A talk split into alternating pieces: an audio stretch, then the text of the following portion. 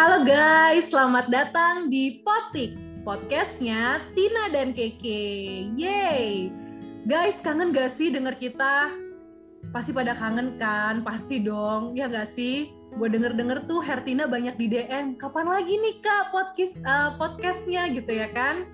Nah, tapi by the way ya, sorry banget nih, minggu lalu kita nggak update sama sekali. Kita tuh kayak tiba-tiba menghilang gitu ya kita uh, gue Tina bener-bener minta maaf banget nih guys. Kita nggak update. Nah kenapa? Karena tuh ada beberapa hal gitulah ya.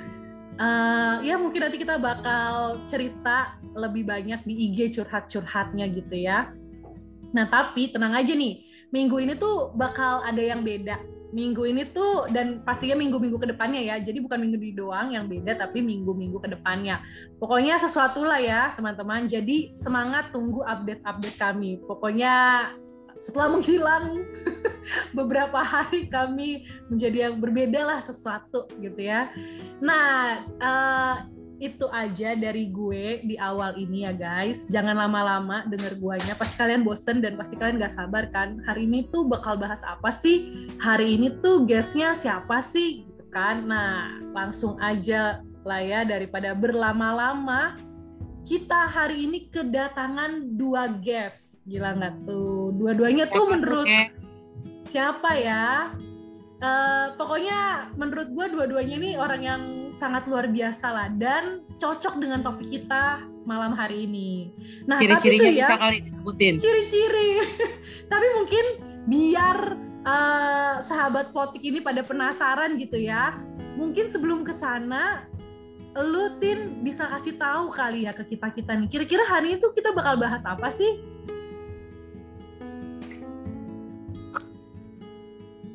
gue lupa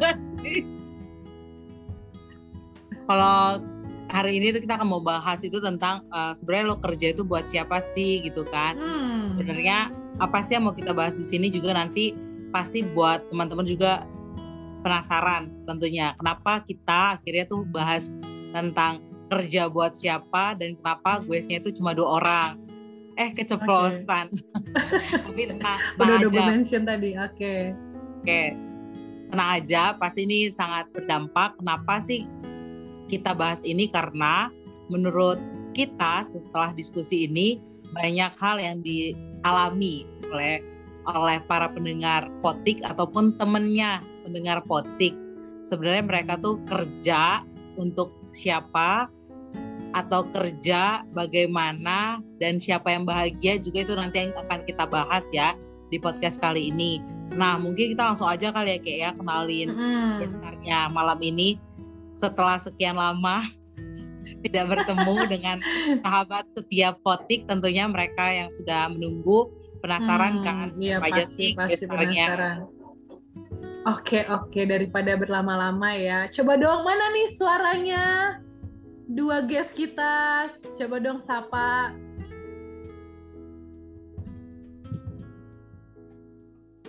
loh malu-malu mereka. Ya langsung aja ngomong guys. Langsung open mic say hi ke sobat uh, potik. Iya iya. Halo halo sobat potik. Halo halo. Selamat selamat apa ya? Selamat ulang tahun. Selamat malam. Selamat mendengar selamat, selamat mendengar. Selamat, selamat bertemu. Selamat malam ya halo sobat-sobat potik.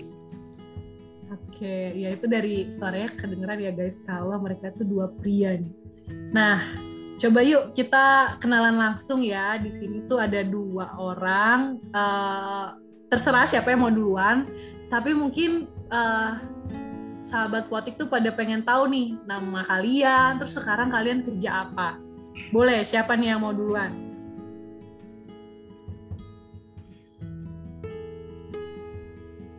Monggo bang, okay. monggo. Mas atau abang bebas ya. Ada yang boleh mas, bang. boleh abang, boleh siapa aja. Halo halo, nama nama gue gue ya, boleh pakai gue ya? Boleh banget. Boleh. Halo halo, nama gue Richard. Uh, gue kerja di industri akademik, bukan menjadi pengajar, tapi yang membuat platform untuk mengajar seperti itu. Dan itu di dunia IT kayak gitu. Itu aja sih. Oke. Wow, wow. Itu ya Kak Richard kerja di dunia IT. Oke. Selanjutnya ada siapa nih? Ya, halo. eh, nama gue Yosua. Gue kerja di salah satu startup lah. Eh, eh, sebagai gue ngurusin bagian eh, customer care-nya sih. Iya. gitu. Oke. Wah, mantap. Satunya di bagian akademik, satunya di bagian startup ya. Ini Kayaknya dua orang yang berhubungan dengan IT kayaknya ya. Oke, oke. Salam kenal ya kalian, Richard, Kak Richard dan eh, Yosua. Mas, Mas atau siapa nih manggil ya? Bebas, Mas. bebas, bebas. Mas Yosua Yos. aja nggak apa-apa. Oke. Oke. Nah, nih kita langsung aja kali ya, Tin. Tanya-tanya mereka. Lu udah kepikir nggak tuh eh, mau nanya apa gitu? Pertanyaan pemanasan, asik. Asik. Kalau misalkan untuk pertanyaan pemanasan berarti masih tingkat tingkat kesulitannya masih tingkat satu ya. Belum belum sulit atau sangat sulit ya berarti ya. Berarti eh, biasanya nih pasti kan banyak yang penasaran dong tentunya untuk di dunia pekerjaan atau pekerjaan yang dilakukan saat ini. Nah, pertama kali bekerja terus gimana sih rasanya dan kerjanya apaan gitu loh. Mungkin Bang Richard atau enggak Yosua juga bisa eh, jawab gitu kan. Pertama kali kerjanya itu di bidang apa, terus rasanya kerja pertama kali itu bagaimana sih kalian? Boleh dijawab dari Yosua dulu mungkin? Oke, ini eh, definisi kerjanya pertama kali ngehasilin duit atau pertama kali gabung sama company. Dua-duanya boleh sih, menarik boleh tuh. seru ya. Iya, iya.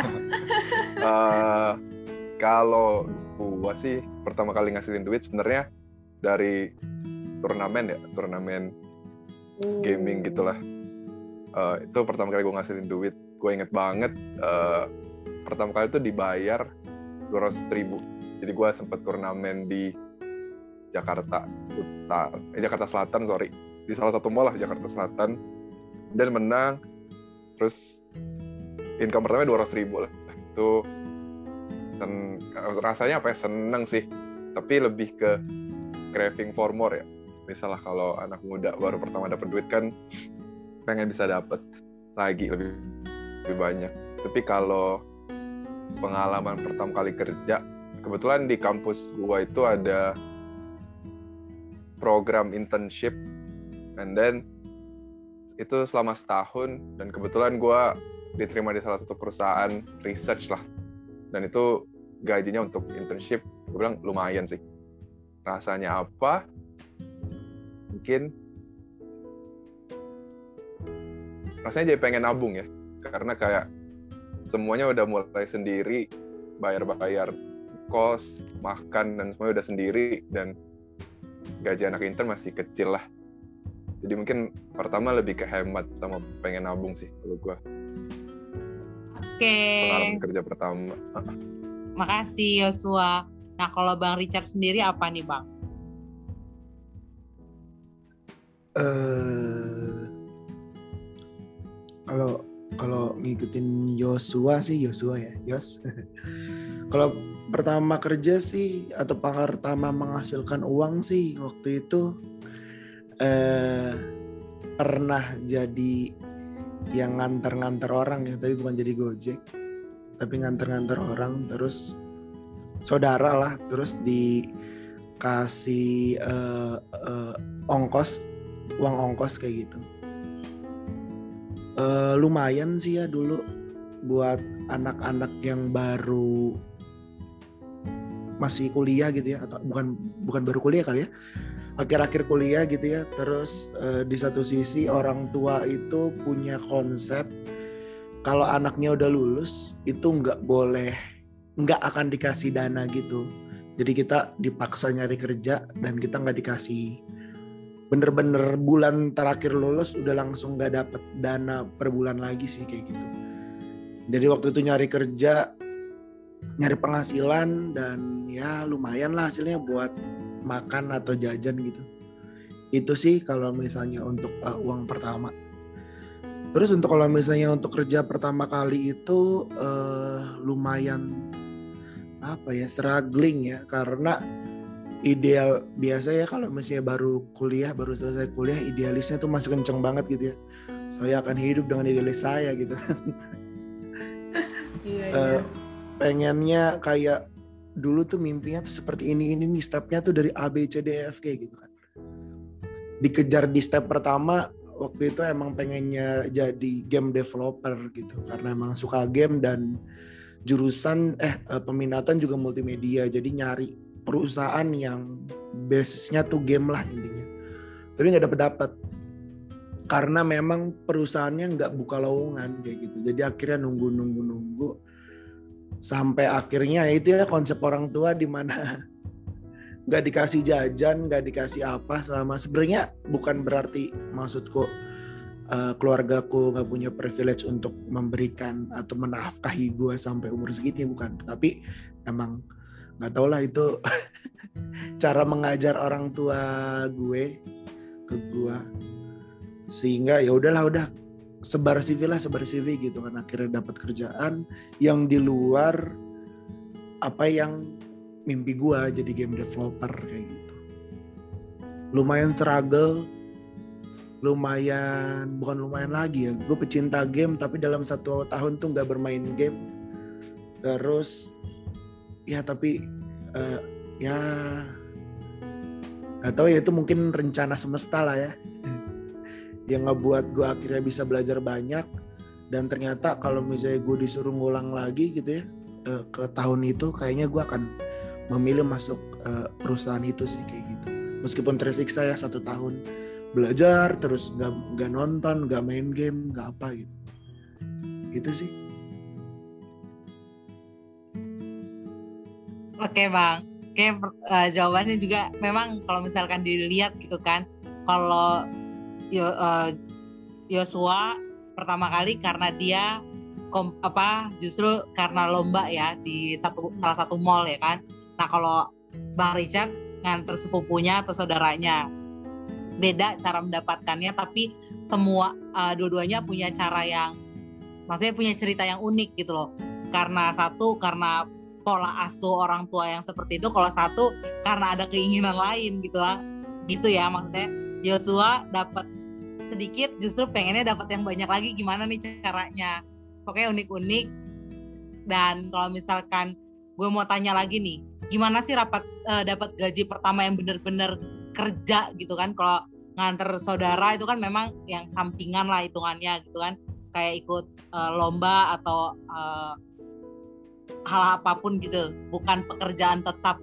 Gimana sih perasaan kalian ketika mendapatkan gaji yang benar-benar hasil kerja dan itu pertama kalinya ya bang? Dan uh, gimana kalian menggunakan atau ngapain ya di bang ya? Gaji pertama itu untuk buat apa sih kayak gitu loh.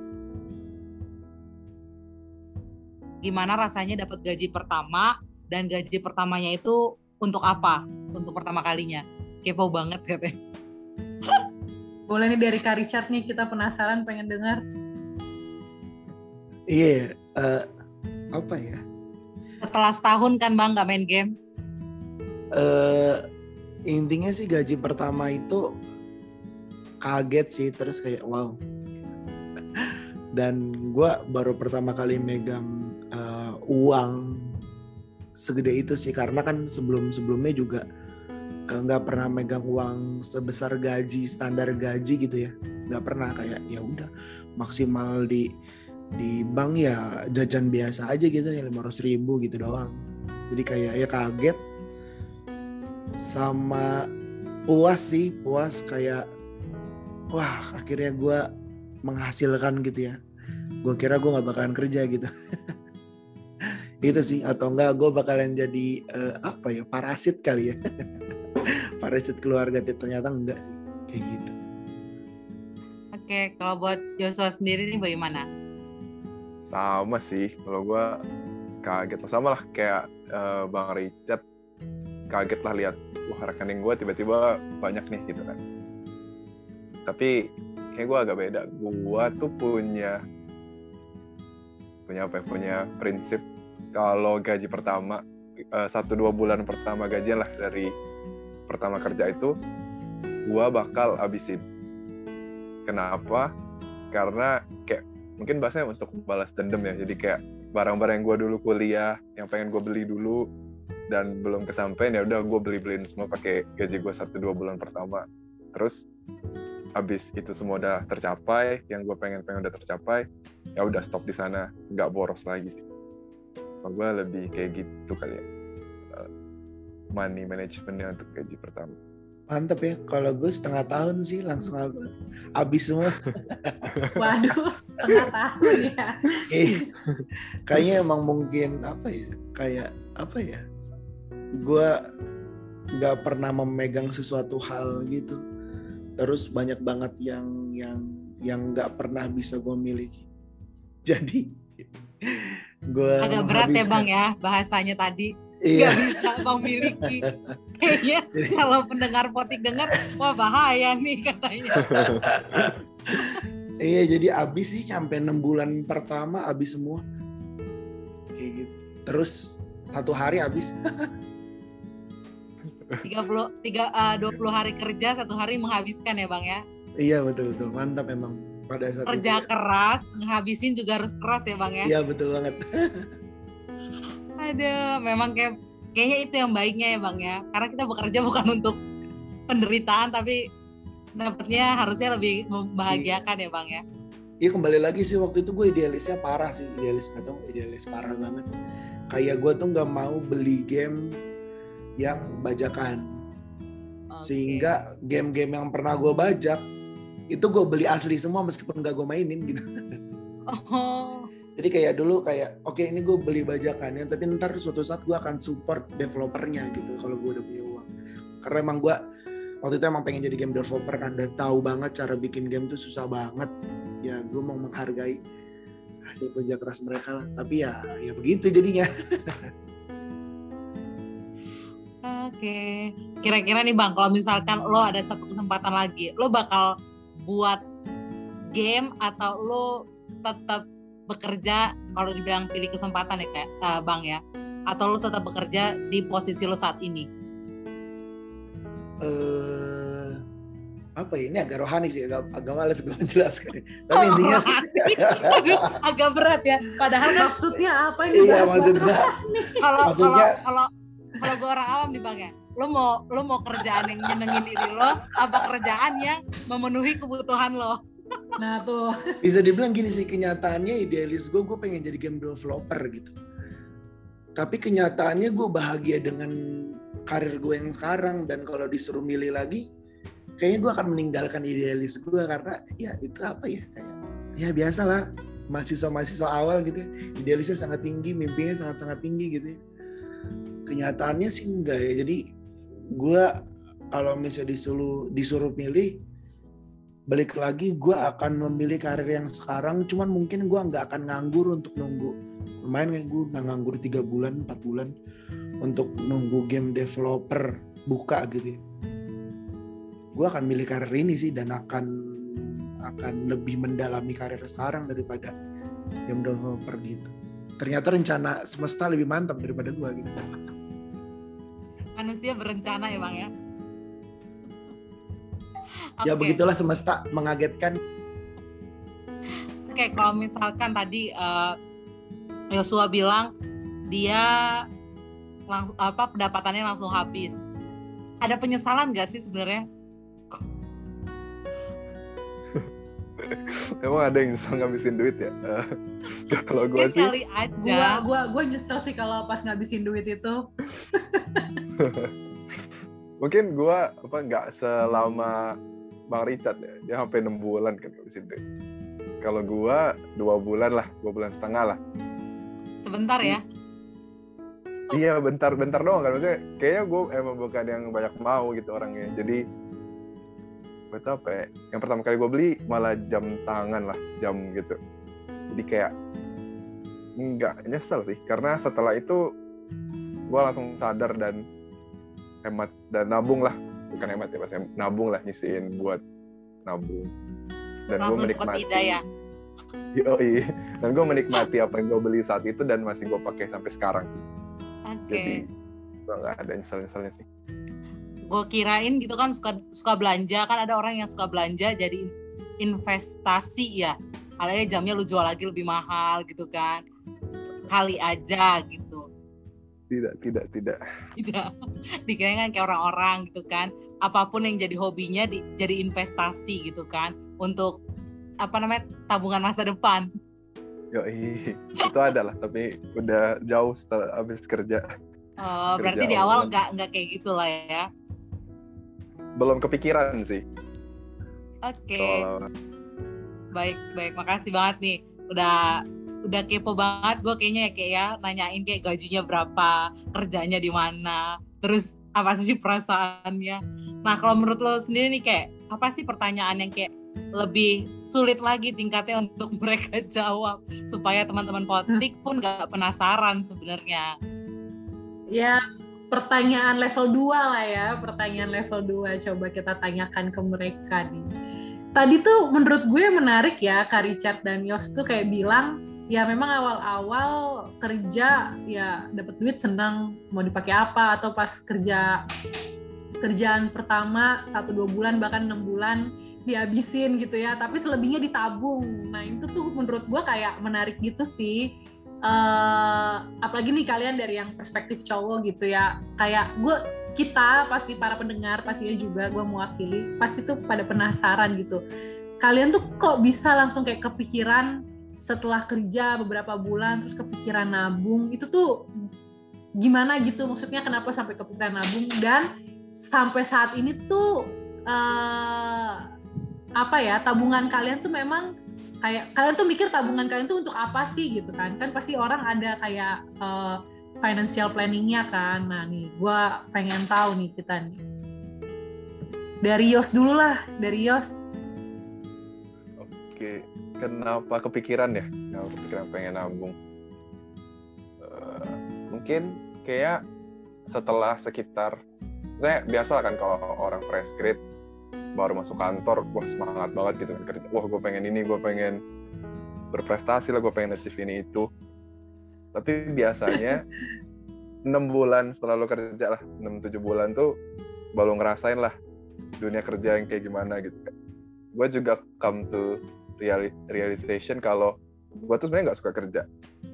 Kenapa? Karena ya itu lo banyak dituntut, disuruh sana sini kan dan apalagi kalau lu masih awal-awal kayak nggak bisa ngelawan lah apa aja yang dikasih harus diayain kan kayak jadi kacung sih mungkin rasanya Eh, jadi gue mulai mikir nih oh kayaknya gue nggak mau kerja selamanya gitu dan oh step awal apa sih yang bisa gue lakuin untuk itu ya itu gue kayaknya gue perlu nabung deh karena di ideal gue sih gue masih mikir oh untuk untuk lu nggak kerja sama orang lu harus bikin suatu usaha nih kan. Lu harus bikin usaha A atau usaha B dan itu butuh modal gitu. Ya jadi itu yang gue lakuin sih. Along the way gue mulai start untuk nyisihin gaji gue dan makin lama makin besar gitu sih. Kalau itu awal-awal kerja ya. Dan tadi kan pertanyaannya kalau sekarang lu pikir duit lu buat apa gitu kan? Financial planning lu buat apa? Saya sekarang apalagi during pandemi ini banyak di mana-mana orang bahas soal financial planning lah ya. Banyak mungkin pernah dengar kripto saham dan kawan-kawan. Dan gue juga ikut melek sih masalah itu. Dan gue lebih terbuka kayak oh ternyata untuk lu bisa financial freedom atau lu nggak kerja lagi sama orang lu tinggal nikmatin income lu nggak perlu bikin bisnis juga. Lu bisa investasi maybe di saham di di yang lain-lain gitu loh. Dan sekarang jawaban gue ya tabungan gue yang ada sekarang ya buat ke sana sih. Jadi ya gue sebisa mungkin ngisiin buat investasi yang nantinya akan berbuah balik ke gue dan ya itu itu untuk sekarang nambah-nambah lah. Dan hopefully nantinya ya cukup dari sana aja eh, penghasilan gue nggak perlu kerja lagi sama orang sih financial planning gue untuk sekarang itu sih Oke, thank you. Wah, jadi justru memang kepikirannya luar biasa ya. Maksudnya pengennya mungkin bisnis supaya nggak kerja sama orang, tapi ternyata sekarang kan lagi ngehits ya investasi yang untuk jangka panjang tuh memang kayak ibaratnya bunganya ya luar biasa juga kayak ngapain buat bisnis lagi, PR lagi, muter otak lagi gitu ya. Oke, oke. Benar-benar. Males mikir apa ya? Enggak lah ya. Berinvestasi pun itu ber, apa mikir juga ya, mikir keras malah iya ya kan? Iya dong. Oke, oke. Nah, kalau Kak Richard gimana nih? Uh, sorry pertanyaannya tadi gimana? Pertanyaannya tadi tuh uh, kenapa pengen nabung? Maksudnya kan lu setelah uh, berfoya-foya dengan gaji pertama gitu, pengen nabung. Nah, terus sampai sekarang tuh kepikiran tabungannya tuh untuk apa sih gitu? Kalau okay. tadi kan cerita gitu, ya. Mungkin ada harus harus ada hal yang gue luruskan ya. Setelah enam bulan bukan berarti gue nggak boros. Waduh. Ternyata nih ya. pada enam bulan pertama itu mungkin gue ya boros apa ya gimana ya gue menjelaskannya ya. nggak boros ya bang ya? Jadinya minus ya bang ya enam bulan. Apa ya? Gue tuh apa ya gue tuh nggak punya baju. Mungkin gara-gara emang cowok kali ya jadi pada saat gue kuliah itu gue nggak punya baju buat kerja. Kemeja gitu yang yang beragam bentuknya gitu kan celana dan lain-lain kayak gitu kan. Yang gue punya adalah uh, uh, celana yang gue pakai di kampus yang yang yang ya standar anak kampus yang yang di pinggir kampus bikin tujuh puluh lima ribu gitu ya. Ya pada saat itu gue diajarin sama uh, saudara gue sih katanya. Nggak tahu ini salah apa kagak ya. Terus kalau misalnya lu pengen punya baju branding gitu kan per bulan beli satu caranya agak baik juga sih sebenarnya. Salah sebulan satu. nggak apa-apa lah. Ya nggak apa-apa. terus? Jadi uh, brandingnya memang brandingnya brandingnya ya biasa aja. Maksudnya bukan yang apa yang harganya 3 juta 4 juta kagak. Yang standar-standar anak baru aja anak baru kerja gitu kan. Cuman emang literally bener-bener gue gak punya baju untuk gue pakai gitu loh. Jadi ya gue akhirnya beli kemeja gue beli celana juga hal-hal yang untuk bisa dibilang investasi diri lah ya. Dan setelah enam bulan setelah gue akhirnya punya baju dan celana ya gue menginvestasikan ini nggak tahu ini pembenaran apa enggak ya karena mungkin banyak yang gak setuju sama gue termasuk uh, keluarga gue atau saudara-saudara gue di mana gue investasikannya itu ke diri gue sendiri salah satunya gue harus uh, mem, apa namanya uh, investasikan ke alat kerja. Contoh laptop gitu gue harus beli laptop. Di mana di situ gue harus kredit. Nah gue investasi lagi ke eh, apa namanya belajar misalnya ngambil kursus atau enggak eh, apa jadi kayak duitnya tuh habis emang bukan buat apa ya buat berfoya-foya ke Dufan jalan-jalan ke Bali enggak. Ujung-ujungnya buat gua yang di mana akhirnya pembenaran diri gua adalah itu investasi gua itu sih jadi gua agak bingung sih bener apa kagak tapi kalau di case gua gua kalau disuruh mengulang lagi apakah gue akan melakukan itu apa enggak ya gue akan melakukan itu. Kayak gitu sampai akhirnya gue udah selesai investasi ke diri gue sendiri gue baru uh, ngerti tentang uh, financial freedom tuh dari kakak gue gue kira tuh financial freedom tuh kayak oh lu pensiun umur 45 gitu ya. oh ya financial freedom itu pada saat lu ngerasa lu bisa pensiun. Oh berarti lu uh, kalau financial freedom 50 tahun atau 45 tahun lu bisa pensiun umur 45 atau umur 40 itulah financial freedom kayak gitu. Tapi setelah kakak gue ngejelasin dan gue akhirnya belajar-belajar gitu ya sekitar dua tahun lalu gitu gue akhirnya sadar bahwa financial freedom itu bukan saat kita pensiun tapi pada saat kita udah nggak mikirin uang uang lagi. Di mana apa pun yang terjadi di umur kita yang 45 atau 40 gitu ya anak kita udah pasti kuliah. Mau dua anak atau satu anak kita udah pasti kuliah. Udah pasti kalau apa pun yang terjadi gue sama pasangan gue akan aman. Asuransi terjaga kesehatan terjaga bukan terjaga ya maksudnya kalau misalnya harus ke rumah sakit udah dibayar uh, per hari itu udah udah siap. Sehingga pada saat dibilang financial freedom lo tuh freedom untuk melakukan apa pun bahkan untuk resign. Atau bahkan untuk maju ke kehidupan lo selanjutnya gitu ya. Misalnya untuk berbisnis atau apa gitu ya. Berbisnis lu punya modal tapi di satu sisi kalau ini lu gagal lu antara bisa balik lagi ke kantor lu atau enggak ya udah pensiun aja. Itu financial freedom yang gue dapetin gitu.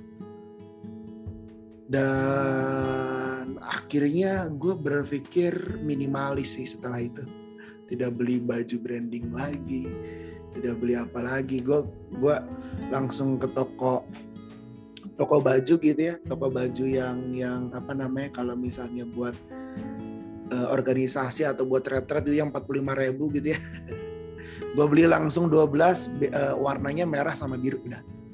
Ke mana-mana gue cuman cukup uh, beli satu satu jas yang mungkin branding tapi gue bawa dalamannya ganti-ganti gitu.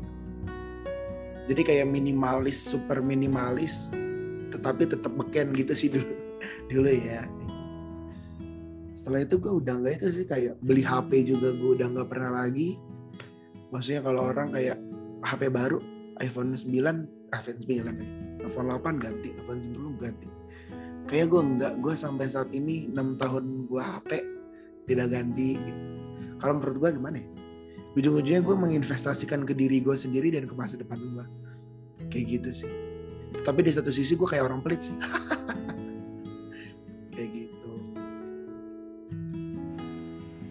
Hai guys, gimana tadi denger dua guest kita? Pasti penasaran kan? By the way, jadi nih kita tuh bakal tayang setiap hari Sabtu jam 8 malam. Dan durasinya tuh per 30 menit. Jadi ini tuh masih ada kelanjutannya. Sabar ya nunggu Sabtu depan. Sampai ketemu. Bye.